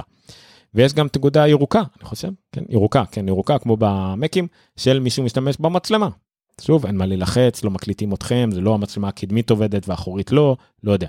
פשוט זה אומר שהמצלמה פועלת, זאת אומרת שלא תדעו אם אתם חששתם שפייסבוק מאזין לכם ברקע, אז תדעו, כל פעם שהמיקרופון עובד, ושוב זה ב... אלא אם כן הטלפון פרוץ, אי אפשר לעקוף את זה, אם משתמשים במיקרופון, יהיה את הנקודה הכתומה, לא משנה מה. אה, כנ"ל לגבי הנקודה הירוקה, אם מישהו משתמש במצלמה, שוב, לא יכולים להסתיר את זה מכם. אז זה משהו, אה, דברים טובים שאפל הוסיפה. אה, כולם מחפשים ווידג'טים, זה הדבר הבא שלי. הקצב אימוץ המערכת הפעלה החדשה שבר שיאים באפל. שוב, לפחות לפי חברת מחקר אחת, 26 כבר שדרגו למערכת הפעלה החדשה, שזה מטורף. המערכת הפעלה השתי האחרונות של אנדרואיד לדעתי לא הגיעו ל-26% חדירה בארצות הברית בוא נגיד לא, לא מדבר על כל העולם כי יש המון מכשירים שינים. בארצות הברית לא הגיעו ל-26% חדירה. אז המערכת ההפעלה של אפל שיצא לפני שבוע הגיעה ל-26%. שזה פסיכי לחלוטין למה שוב כי כולם רוצים ווידג'טים כולם שמעו שאפשר אולי לשנות אייקונים לא יודע מה אז כולם רוצים את זה. אז אתם רואים פה דוגמה יפה מדברט רואים מי שרואה כמובן מי שבפודקאסט מוזמן אה, לעקוב אחרי הלינקים.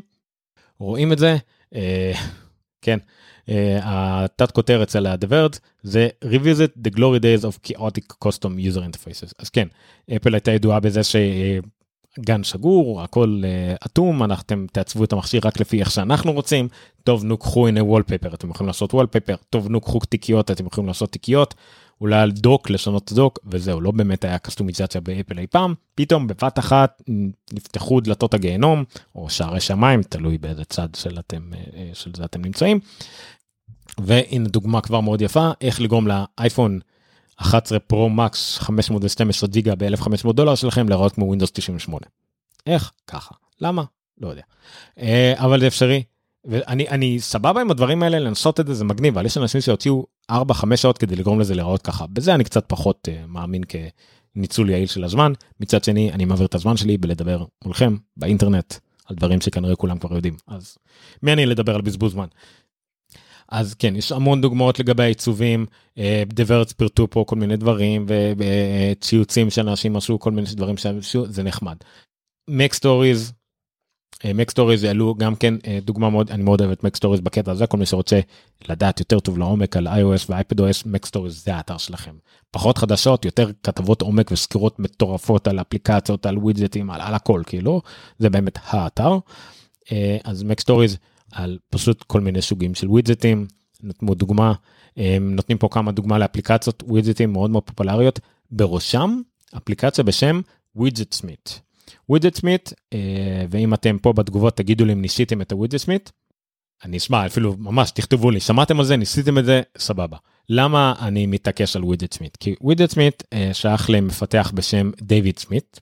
אה, הטוויטר שלו זה underscore דיוויד סמית לכן כולם קוראים לו underscore זה הכינוי שלו בחברה.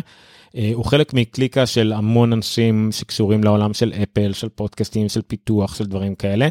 אני חלק אה, מהקליקה הזאת כצופה מהצד עוקב אחרי הפודקאסטים שלו אחרי הציוצים שלו אחרי כל הדברים שהוא משתתף בהם אפליקציות שלו והכל. אז הוא היה כזה חמוד נחמד עשה כל מיני אה, המון אפליקציות אה, נחמדות קורא ספרים המון ממש עשה המון המון אפליקציות אחד המפתחים שבאמת ברגע שאפל מוציאה פיצ'ר הוא ישתמש בו מיידית יקרא אותו ויבין אותו הכל. אז לפני כמה חודשים הוא הוציא את Watchsmith אפליקציה לשעון אפשרות לעשות ווידג'טים אה, לעשות ווידג'טים אה, מבוססי זמן למשל. הוא מאוד קיווה שאפל יפתחו אפשרות של לעשות גם כמה ווידג'טים שונים מאותה אפליקציה ואפל פתחו את זה, לכן האפליקציה שלו אפילו עוד יותר יעילה ב-watchOS 7, וזה מגניב, וככה הוא למד SwiftUI. למזלו, אפל הכריזה ש-iOS 14 כל הווידג'טים שם יהיו באותה שפה כמו הווידג'טים בשעון אז הוא היה יכול לעשות פשוט של המרה של ההבנה שלו של הידע שלו ולפתח אפליקציה לאייפון שגם כן מאפשרת ליצור ווידג'טים לפי השפה של אפל, לפי מה שאפל רצו, לפי מה שאפל התכוונו, בווידג'טים החדשים למערכת הפעלה. אה, אני אעשה פה סטייה קטנה כדי להסביר על מה אנשים התעצבנו לווידג'טים. הווידג'ט שהיה מובנה במערכת הפעלה של לחייג לאנשי קשר לא קיים יותר. כל מיני ווידג'טים שימושים שיכלתם לעשות בהם דברים בפועל, או שלא עובדים כבר, או שלא יעבדו, או שהם לא חלק מהמערכת החדשה של ווידג'טים, ואתם בטח לא יכולים להשתמש בהם כווידג'טים על מסך הבית והכל, למה? כי אפל החליטו שלא. ווידג'טים חדשים זה רק ווידג'טים כאלה כמו read only כאלה של פריוויואים שיכולים להשתנות פעם בכמה דקות או פעם בכמה שעות, ולחיצה עליהם רק מובילה לתוך האפליקציה ששייכת להם. לא משהו אחר, אה, חוץ מ Shortcut. Shortcut אני חושב שזה יחידים שאתם יכולים לעשות כווידג'ט, ואז ה Shortcut עושה משהו, אני חושב, Shortcut של אפל. אז הוא אימץ את זה מיד, אה, דויד סמית, יצר את Widgetsmith. הדבר כנראה השולי שעשה ב Widgetsmith, שאפשר לעשות ווידג'ט של תמונה פשוט, ואז הוסיף גם עוד פיצ'ר שאפשר כמה תמונות. כנראה שבעיקר בגלל הפיצ'ר הזה, התוכנה שלו התפוצצה, היא הייתה אה, מקום ראשון ב App Store כבר ביום שישי, וזה מפתח שאף פעם לא הגיע לרמות האלה, הוא בכלל לא רצה, הוא, הוא מפתח בודד, הוא אדם בודד, אולי עם איזה גרפיקאי שעוזר לו, ואולי עם מישהו שעוזר לו עם ה billing או השיווק, זהו, אדם אחד. ואפליקציה של נהיית הכי פופולרית אה, ב App Store, אפל מיד כמובן קידמה אותו, כי אוהבת דברים כאלה, יש כאן אה, שמשתמשים בכל הפיצ'רים החדשים שלה, אז באמת כל הכבוד. גם בלי קשר, זו תוכנה מעולה, אנשים אולי לא משתמשים אפילו בדבר העיקרי שלה שאתם יכולים לעשות אוטומטית שווידג'ט משתנה לפי יום. נכון לאפל יש את העניין הזה אוטומטית לפי הקשר, אתם יכולים לעשות לו פשוט שבבוקר ווידג'ט מסוים יראה לכם את השריכה, אחרי זה את המזג אוויר ואחרי זה את השעה ואחרי זה את היומן, כל הדברים האלה, אז זה מאוד שימושי. והוא רק משפר ומשכלל וזה מאוד מעניין להקשיב לו אה, בפודקאסט שלו וכל אלה לראות איך הוא מתמודד עם ההצלחה ואם יוצא לו מזה משהו כי הוא אפליקציה חינמית והדברים שבתשלום זה לשלם לו מנוי כדי להשתמש בדברים כמו מזג אוויר, אה, גאות וספל ואולי עוד משהו דברים. הסיבה שהוא לוקח על זה כסף כי זה הדברים שעולים לו כסף. לעשות שירות שרת שבודק מזג אוויר כל דבר זה דברים שעולים כסף אפילו הרבה כסף אם, אם, אם הרבה אנשים רשמו לזה אז זה הדברים היחידים שלוקח להם כסף לווידג'טים הפשוטים שזה רק סגר ושכח נגיד של תמונות וכאלה, הוא לא לוקח כסף. אז מעניין מה תהיה ההצלחה שלו. וואו, דיברתי הרבה על דבר אחד פשוט, אני רואה מתלהב, בגלל זה יש לי פודקאסט. אה, כדי לדבר על דברים שמלהיבים אותי, שאדם שאני מכיר ועוקב אחריו כבר שנים, פתאום מקבל את ההצלחה שמגיעה לו. אה, איזה עוד דברים הם ממליצים עליהם? אה, יש גם הרבה אפליקציות, הנה ווידג'רידו, שמוזר, גם כן שאפשר לעשות כל מיני פאנלים. יש גם אפליקציות רציניות כמו דראפט, שזה אפליקציה לטקסטים וטיוטות וכאלה, שהוסיפו גם כן איזה ווידג'טים מגניבים עם המון קיצורים ליצור דראפט כזה, ליצור כזה, ליצור כזה, וכל אחד מוביל למקום מסוים באפליקציה, אבל זה עדיין רק פותח את האפליקציה, אי אפשר לעשות משהו בווידג'ט עצמו. בקיצור, זה כתבה, הלינק יהיה, אנשים שאלו אם אפשר לינק לאתר, אז פשוט תיכנסו מחר, מחרתיים, לאפלוג.רפי.מדיה/024. ותראו את כל הלינקים והכל יהיה שם. חלק מהלינקים אני כמובן גם מפרשם בעמוד הפייסבוק, אפל, או פודקאסט ומחשבות על אפל, אבל שוב, כל מה שאני מדבר עליו בסופו של דבר יהיה ברשימות הפרק אה, בפודקאסט עצמו. אז זה שוב המון המון אפליקציות של ווידג'טים, כל הכבוד, הנה ה Widgetsmith ב App Store, זה האייקון שלהם ראיתם. אה, ממליץ ולו כדי לעשות אה, טוב לבן אדם הזה. או, איך הרייטינג שלו ירד, הוא היה קרוב ל-5, ירד ל-2.8, זה מה שקורה כשיש לך אה, אפליקציה חינמית, המון אנשים אה, ימצאו למצוא, דבר, להגיד דברים רעים. בטח למה weather בתשלום, איזה ג'יפה, אה, one star. בסדר, נו אין מה לעשות. הוא עושה גם את אחת מהאפליקציות הכי טובות למעקב שינה בשעון דרך אגב, פדומטר פלוס פלוס שאני משתמש בה, סתם לעקוב אחרי צעדים בצורה יותר טובה מאפל. וזהו. anyway, דיברתי הרבה, נעצור שנייה לתשובות ושאלות, מעולה. עוד uh, אמיר uh, אומר לנו סטיב ג'וב מתהפך בקברו בטח לגבי העיצוב נכון אבל מצד שני זה קבר מרופד בדולרים אז אני בטוח שנוח לו להתהפך שם כנראה. אה, ניסיתי וזה פגז כנראה הוא מדבר על Widgetsmith תודה רבה אליקו אני אמסור לדויד סמית לא באמת כתבתי לו הוא לא חזר אליי שמתלהבים ממנו בארץ כולם דיברו על אפליקציה הזאת כל המי ומי מכל שכבי האוכלוסייה רחבי האוכלוסייה נקרא לזה ככה בפייסבוק דיברו על Widgetsmith זה נורא מגניב אתם מדברים על אפליקציה גיקית איזה כיף אני לא לבד. היחידיות של אפל היא בעיצוב היא בלתי אה, מתפשרת אה, של אמיר. זה נכון, זה יישאר אז בחומרה, זה יישאר בברירות מחדל, ומי שרוצה יוכל להמשיך. אפל נותנת אה, אפשרויות. נכון, אני גם אני נגעל מאנשים ששואלים את הפונטים שלהם בסמסונג וכדומה. אז uh, כן, נצטרך uh, לבלוע ואתה יודע, להמשיך uh, להשתמש איך שאנחנו רוצים, אין מה לעשות. אליקי רושם, כן, זה עובד עם שורטקאטס, uh, תודה. Uh, שחר אומר לנו שאפל תיצור אפסטק uh, לפוטוס, יש משהו כזה, זה בסדר, זה, זה לא שיש, יש ווידג'ט של תמונות, הכל בסדר. איתי שלח לי סימני שאלה, אני לא יודע מה זה אומר איתי, סימני שאלה, באיזה הקשר. אבל לקבל ממני גם שלושה סימני קריאה.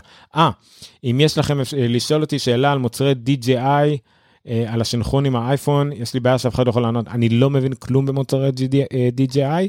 אה, יש כמה חברים שאני מכיר שמשתמשים בזה, אולי גם ניר אה, חורש פה, אבל אתה יכול לנסות לשאול, אני לא בטוח יוכל לענות.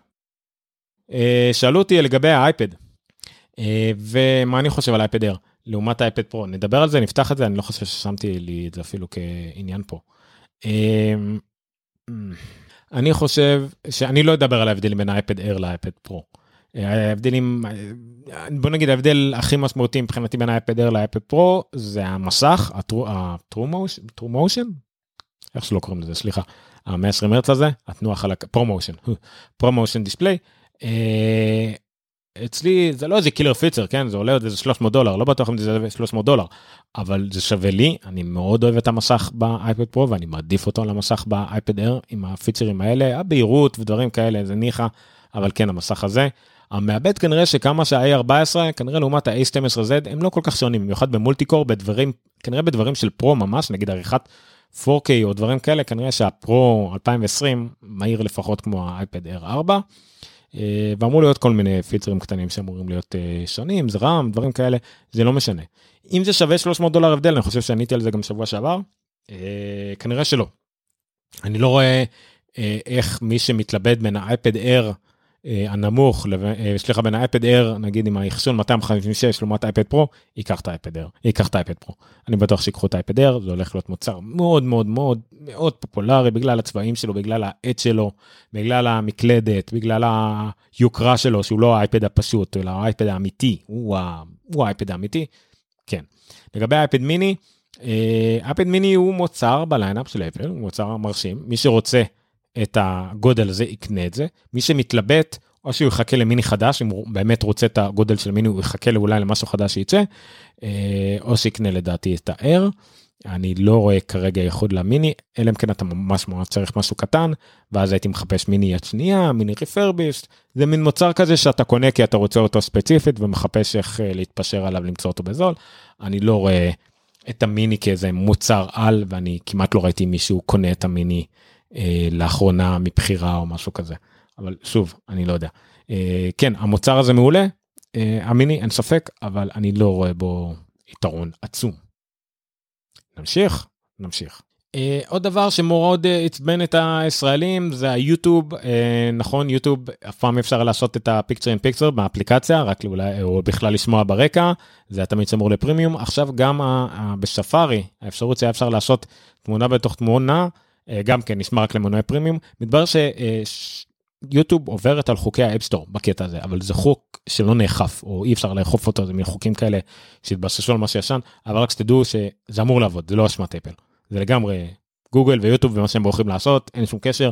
אפל שחררה את ה-API שה picture in picture אמור לעבוד בכל אפליקציות, בכל מה שהוא נג... וידאו טבעי אמור לעבוד. יוטיוב בחרו לא להפעיל את זה, sorry, אין מה לעשות. אמ, וואו, בקשה הכי מוזרה. עזריאל שואל, אתה יכול לדבר שוב על ה-Air קרס לי. זה לא עובד ככה. אני פשוט אחזור על section עוד פעם, כי אתה לא הצלחת לראות, sorry. אבל אני חושב שאתה יכול אה, אה, לגלול אחורה, אה, לא זוכר אם ביוטיוב או באינסטגרם או פייסבוק או משהו כזה, sorry, מקסימום מחר באחד השידור החוזר. וואו, זה רפרנס לזקנים. תודה אמיר שהבנת את הרפרנס הזה, אני מניח מראש שאתה הבנת אותו. אמ,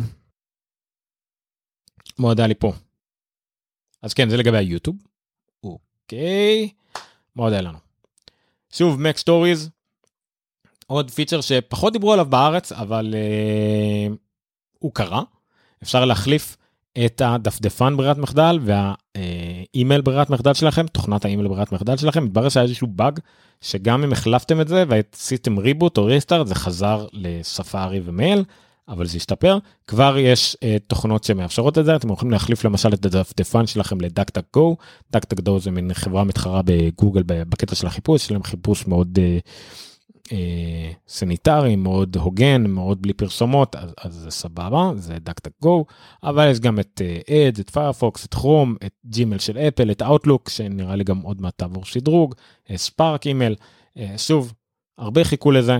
זה לא את כל האפליקציות ברירת מחדל במכשיר אפשר להחליף עכשיו, אבל מייל וספארי שהם מהחשובים, במיוחד נגיד בסביבה ארגונית, מי שחייב להשתמש בכרום כי הוא משתמש ב-G Suite שלו או משהו כזה, או מייל הוא צריך את ג'ימייל בגלל החיפוש או מה שזה לא יהיה, אז עכשיו הם יכולים, אז זה גם כן אה, היה מאוד חשוב, לא דיברו על זה הרבה, אבל בסדר.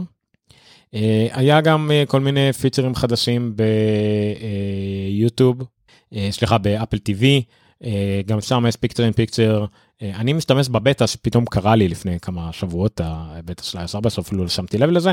אה, הדבר היחידי שגרם לי לשים לב אליו זה שני דברים האייקון של ה Music והעובדה שאני היה לי HomeKit השליטה על HomeKit מה Control Center שיכלתי לראות שם את המצלמות ואני יכול לראות על מסך גדול. אין לי דורבל או משהו שזה יקפוץ לי או הום פוד או משהו שזה לא יהיה אבל כן הרבה יותר נוח נגיד לשלוט על סינריוס ועל המצלמות מהומקיט מהטלוויזיה ויש יותר טוב באוזניות דברים שאני לא משתמש בהם פשוט. כמו הדולבי באוזניות ודברים כאלה. אה, דורון אומר שאם נכנסים לספארי בגש להציג גרסה רגילה ואז אפשר לצפות חופשי. אה, מעניין לא ניסיתי זה המוסכמה היא שזה אנשים שזה עושה להם בעיה אבל בסדר. עכשיו כל התלונות האלה בפייסבוק חוץ מהעובדה שהתעצבנתי עליהם ואנשים חוזרים על השאלות וחוזרים על הכל. אמ, אין ספק שזה עצבן אותי, אבל זה גם גרם לי לחשוב, אה, מה אפל עשתה לא טוב? אה, האם כש-iOS 14 עלתה, היה חייבים לעשות איזה לפחות כמה ספלש סקרינס כאלה, כמה מסכים? שימו לב לדברים הבאים. נקודה כתומה זה ככה, נקודה ירוקה זה ככה. אתם יכולים עכשיו להחליף, אני מבין אם הם לא עשו, לא, זה לא אינטרס שלהם לעשות את זה, אבל נניח, אה, שימו לב שתמיד יופיע לכם מלמעלה גם דבר שישראלים מתלוננים עליו אם יש קופי פייסט. לדברים הפשוטים האלה, במיוחד כי זה לטובתם, כי זה שיפור הפרטיות והכל, אולי היה מקום לעשות איזשהו תצוגה כזאת שמסבירה על זה. אפל לא אוהבת את זה, למרות שהיא במכשירים חדשים זה עדיין קורה כל מיני מסכים שקופצים לך, אבל נראה לי את המינימום הזה הם היו צריכים לעשות. לא שהם הולכו להגיד אה, שימו לב הוואטסאפ יקרוס לכם כן זה אין מה לעשות זה וואטסאפ היו צריכים לתקשר את זה יותר טוב. אבל כן אני חושב שכנראה אפל יכלו להציג את זה נכון שהם מדברים על זה כבר מיוני ואנשים פתאום מופתעים על דברים שרבאק דיברו על זה ביוני מה אתם בשוק. אבל שוב לא כולם ככה ורוב מי ש... מה זה רוב? 98% ממי שדרג ל-iOS 14 לא קרא או שמע אפילו ידיעה אחת בעניין. זה שיש לו גישה לפייסבוק לקבוצות של אפל ויש שם אנשים כמוני זה לא בעיה שלו זה הוא בא בתמימות אז אני מבין. אז אה, אז אני חושב שאפל איכשהו אתה צריכה טיפה יותר לפרשם את זה אולי נגיד בפרשמת על פרטיות לא לעשות קטעים מהירים ב-30 שניות אלא להראות זה ככה זה ככה זה ככה ככה אנחנו שומרים לכם משהו שפחות ויראלי שאפשר לקשר אליו תראו זה מה שחדש ולא לביקורות באתרי טכנולוגיה שעכשיו לשלוח את הבן אדם לקרוא לשם זה שיוט. לא יודע אני חושב שאפל יכלה להסביר את זה קצת יותר טוב.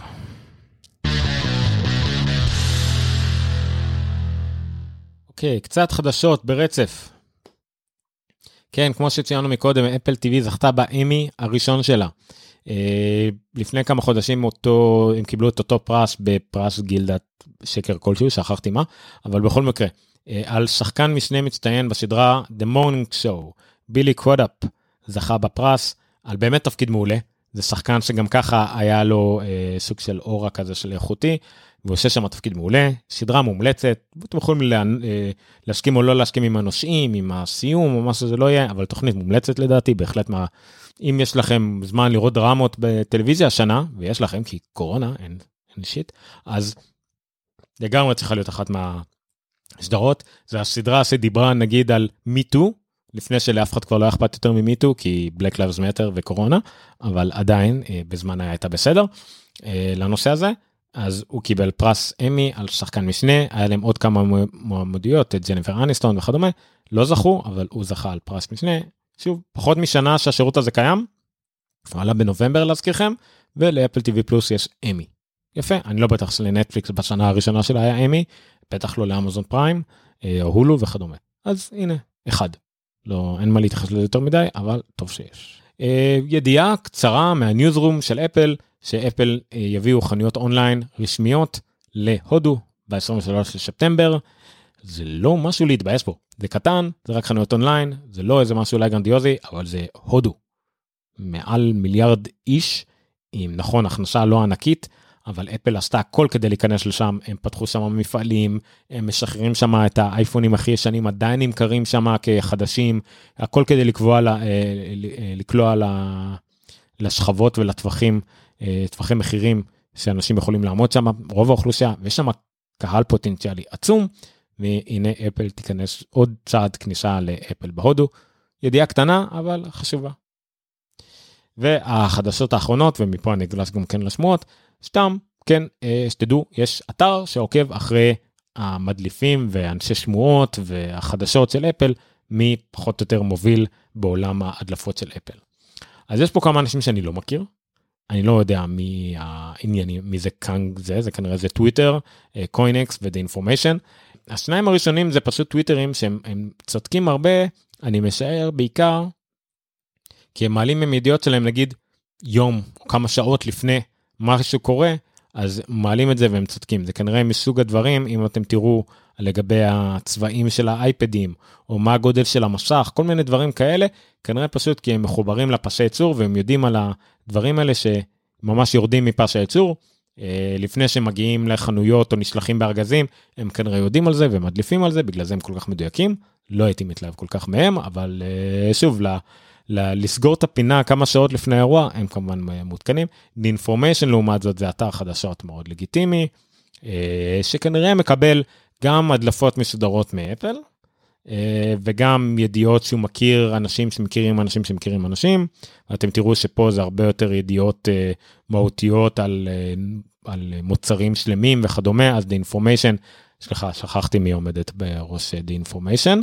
אה, זה מישהי אחת פשוט מסוימת שהייתה עיתונאית מאוד מפורסמת וזה אתר אתר שכולו בתשלום דרך אגב הוא רק בתשלום 100 דולר לשנה נראה לי. אחרי זה דברים שאנחנו קצת יותר מכירים L0vetodream זה גם איזה מדליף מר גורמן מבלומברג עם 87.7 אחוז Wall Street Journal שוב מין מקור כזה שמקבל הדלפות מסודרות לרוב מאפל או ידיעות מאנשים שמכירים אנשים.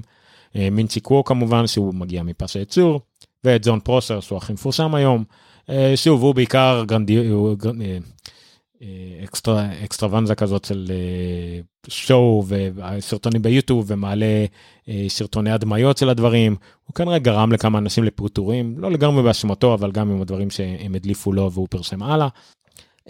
אבל שוב הוא מפרשם גם דברים קצת יותר מהותיים אבל שוב הוא צודק לרוב אבל בסדר אז שוב, זה, אני לא בא, אני לא אוהב שמועות כשמועות, אני לא אוהב את הדברים האלה, לפעמים זה אחלה דבר לשחק איתו ולהתכונן אליו, אני התחממתי לקרא, לזה עם השנים, כן הייתי הרבה יותר אנטי, אבל זה טוב לדעת. לגבי אה, דברים הקרובים, היה השמועה היום הכי לא מבוססת בעולם, שהאירוע של אפל יהיה ב-13 לאוקטובר, ממישהו ששמע מישהו ממפעיל סלולרי בהולנד, בסדר? לא שזה לא הגיוני 13 לאוקטובר, זה ממש הגיוני. זה יוצא יום שלישי, זה יוצא עוד חודש, זה מספיק זמן, זמן טוב להוציא את האייפון, אה, זה בהחלט הגיוני, אין שום ספק. אם זה מוחלט, גם, ממש לא. אה, אבל תרשמו 13 לאוקטובר, אה, נתעדכן בהמשך. מה שכן אפל מוצאים, השבוע, ביום שישי, עולה טהרן. יוצא באפל TV פלוס בבלעדיות בכל העולם. רק, רק בארץ אנחנו ראינו את זה כבר בכאן 11, כל העולם לא ראה את זה, ויראה את זה באפל TV פלוס. סדרה שקוראים לה טהרן, שהיא ישראלית לגמרי, עם הרבה מילים, ב... לא ישראלית לגמרי שלך, היא איראנית, ישראלית טבענית. אה, אבל גם כן, עם פרסית ואנגלית והכל, אבל סדרה ישראלית, אז זה בקרוב, אה, טהרן. אה, לגבי האייפון הבא, אתם רוצים, אין לי טעם לדבר יותר מדי על שמועות לגבי האייפון הבא, אני, כנראה העיצוב ישתנה למה שדומה לאייפד, כולם מדברים על זה, אולי ליידר, נראה לי הגיוני, A14 כמובן.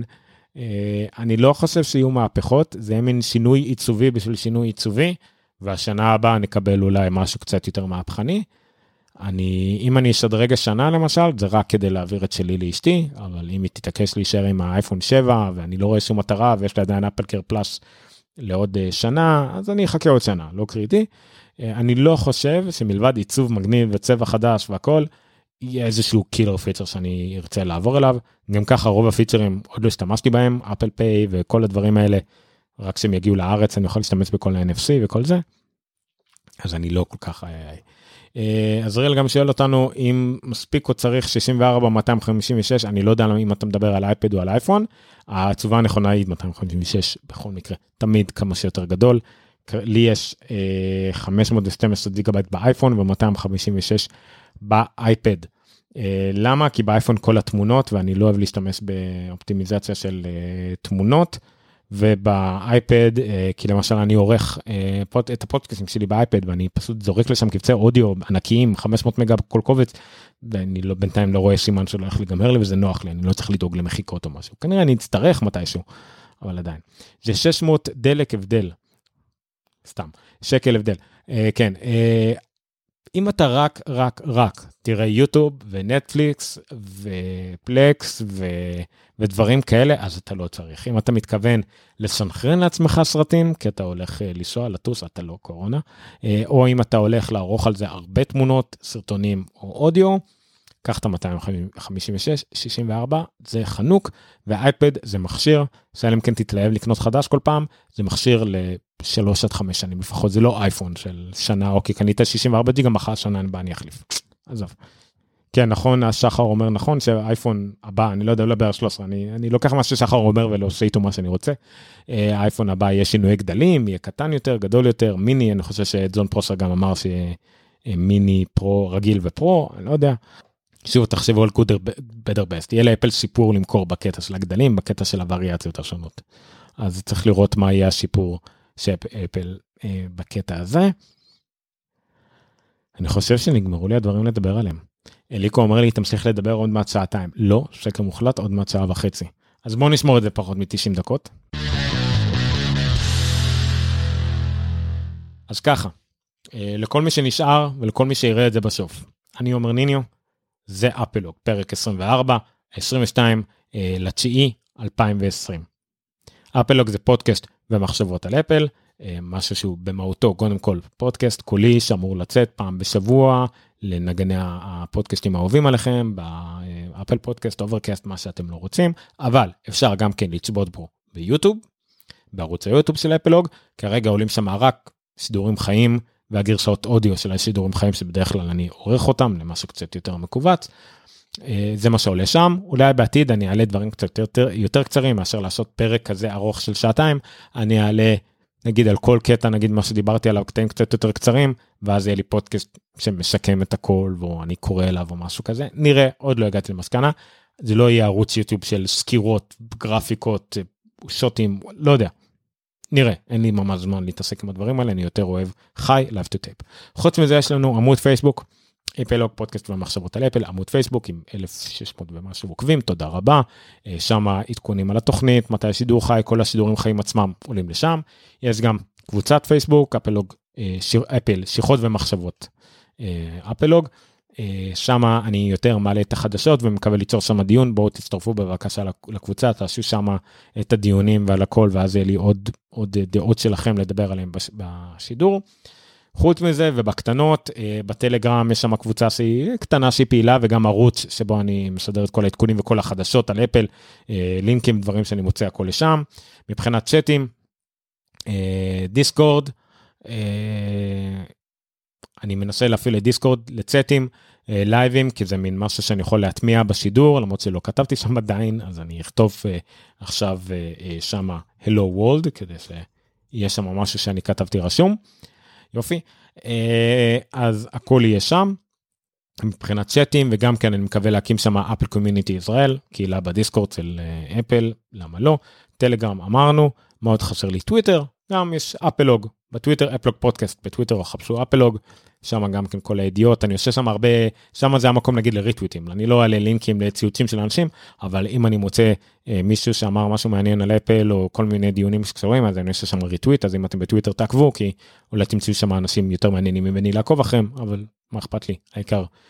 אה, תהיו עוד חלק מהעולם הזה זה מה שחשוב לי כמה שיותר להכניס אנשים לעולם של אפל אה, לעולם היותר מהותי של אפל. אנשים שלא התעכבו על לשאול שאלות על נקודות מוזרות באייפון, אלא על יותר על מה זה אומר על אפל כחברה, על הפרטיות. שוב, כמו השאלה שהעליתי, אולי אפל לא משקפת את זה כמו שצריך, בכיף, בואו נרים את הרמה, שוב, אין לי שום בעיה, אנשים, בואו, תאזינו, כולם. אבל אני רוצה להעלות את הרמה של הדיון, לא במובן של מרמה נמוכה, אלא פשוט level כזה של להסתכל מלמעלה על דברים, ולא מלמטה על כל דבר קטן ולהאשים על אפל על כל דבר, זה מה שאני שואף בו במה שאני עושה פה בעולם של אפל בארץ, אני מקווה. זהו, שעה וחצי בול, אה, אם אני אוריד איזה כמה שניות מפה ומשם. תודה רבה שהייתם. תעקבו אחרי אפלוג בכל המקומות האפשריים, תעקבו אחריי אם אתם רוצים, עומר ניניו, אני בכל מיני מקומות כעומר ניניו, תבואו להגיד שלום, אה, לא בבית כי זה קריפי, אה, אבל בכיף. זהו, אני חושב שנגמרו לי הדברים להגיד. תודה רבה לכולם, תגידו להתראות בצאת כי עוד מעט הוא נסגר, או תמשיכו את זה בדיסקורד, אנחנו שם, אפלוג בדיסקורד. אפלוג, להתראות. תמיד אומר להתראות ולוקח לי זמן למצוא את השם של ההקלטה, אז יש לכם עוד כמה שניות איתי.